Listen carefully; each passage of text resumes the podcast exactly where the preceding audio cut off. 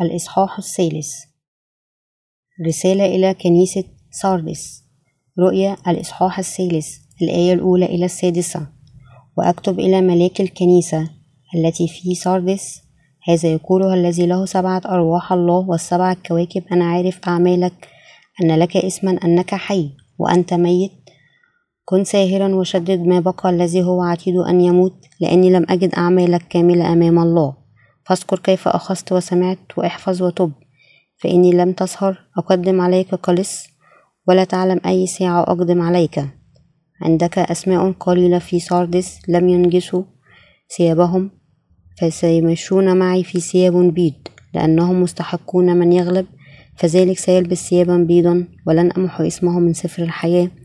وسأعترف باسمه أمام أبي وأمام ملائكته.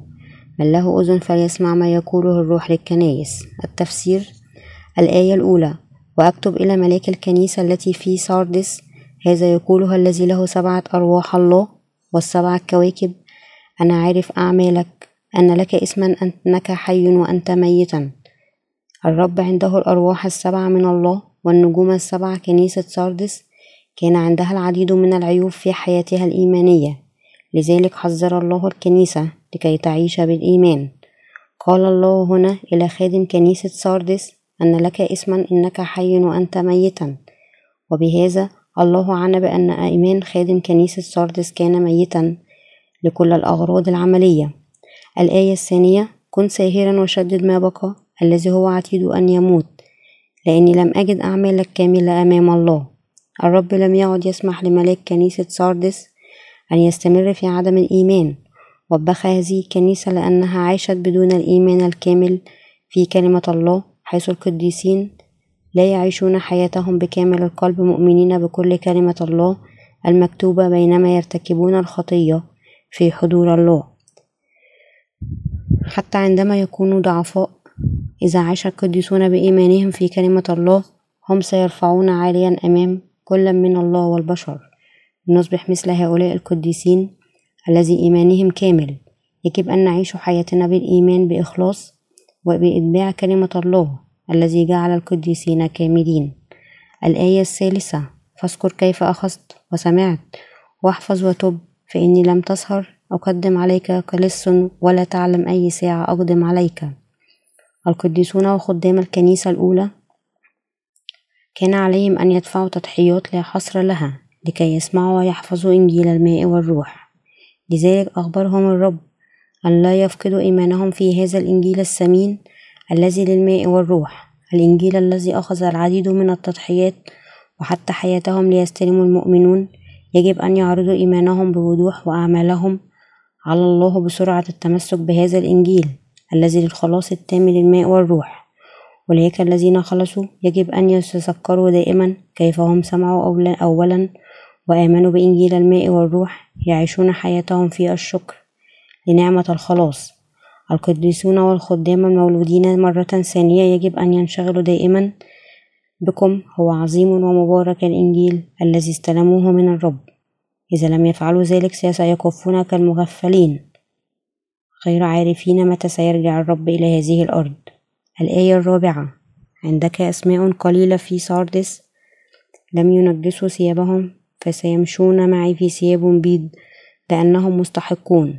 ومع هذا الرب يخبرنا أن كنيسة ساردس ما زالت عندها بضعة مؤمنون الذين لم يندسوا يندسوا يدنسوا ملابسهم.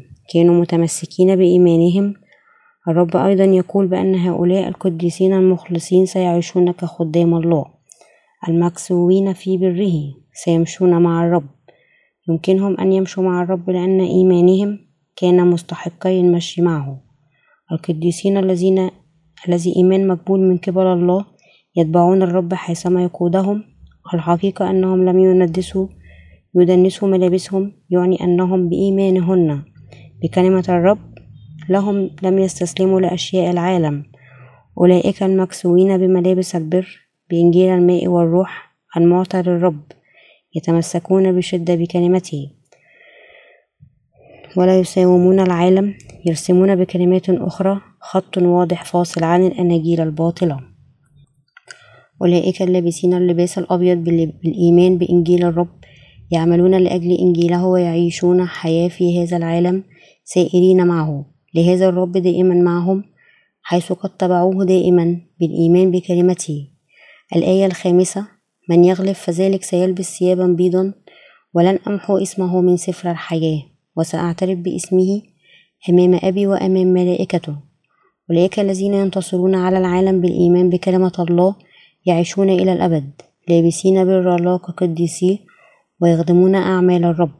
الرب سيقبل إيمانهم أيضا ويكتب أسماءهم في سفر الحياة وهذه الأسماء لن تمحى إلى الأبد. وعد كلمة ربنا يخبرنا بأن هؤلاء الذين عندهم الإيمان الحقيقي. بالتأكيد سينتصرون في كفاحهم الإيماني ضد أعداء الله ومن يغلب فذلك سيلبس ثيابا بيضا. الملابس البيضاء تعني النصر في معركة الإيمان ضد أعداء الله. منتصر الإيمان يعطون البركة التي بها لن تمحى أسمائهم من سفر الحياة إلى الأبد وأسمائهم ستكون مكتوبة أيضا في أورشليم الجديدة. سأعترف باسمه أمام أبي وأمام ملائكته أعترف هنا يعني بأن الرب سيقبل إيمانهم. الآية السادسة من له أذن فليسمع ما يقوله الروح للكنائس. أولئك الذين عندهم الإيمان الحقيقي دائما يسمعون ما يقوله الروح القدس لهم خلال كنائسه وفي هذه الحالة يعيشون مع الله ويوجهون بشكل ثابت بالروح القدس.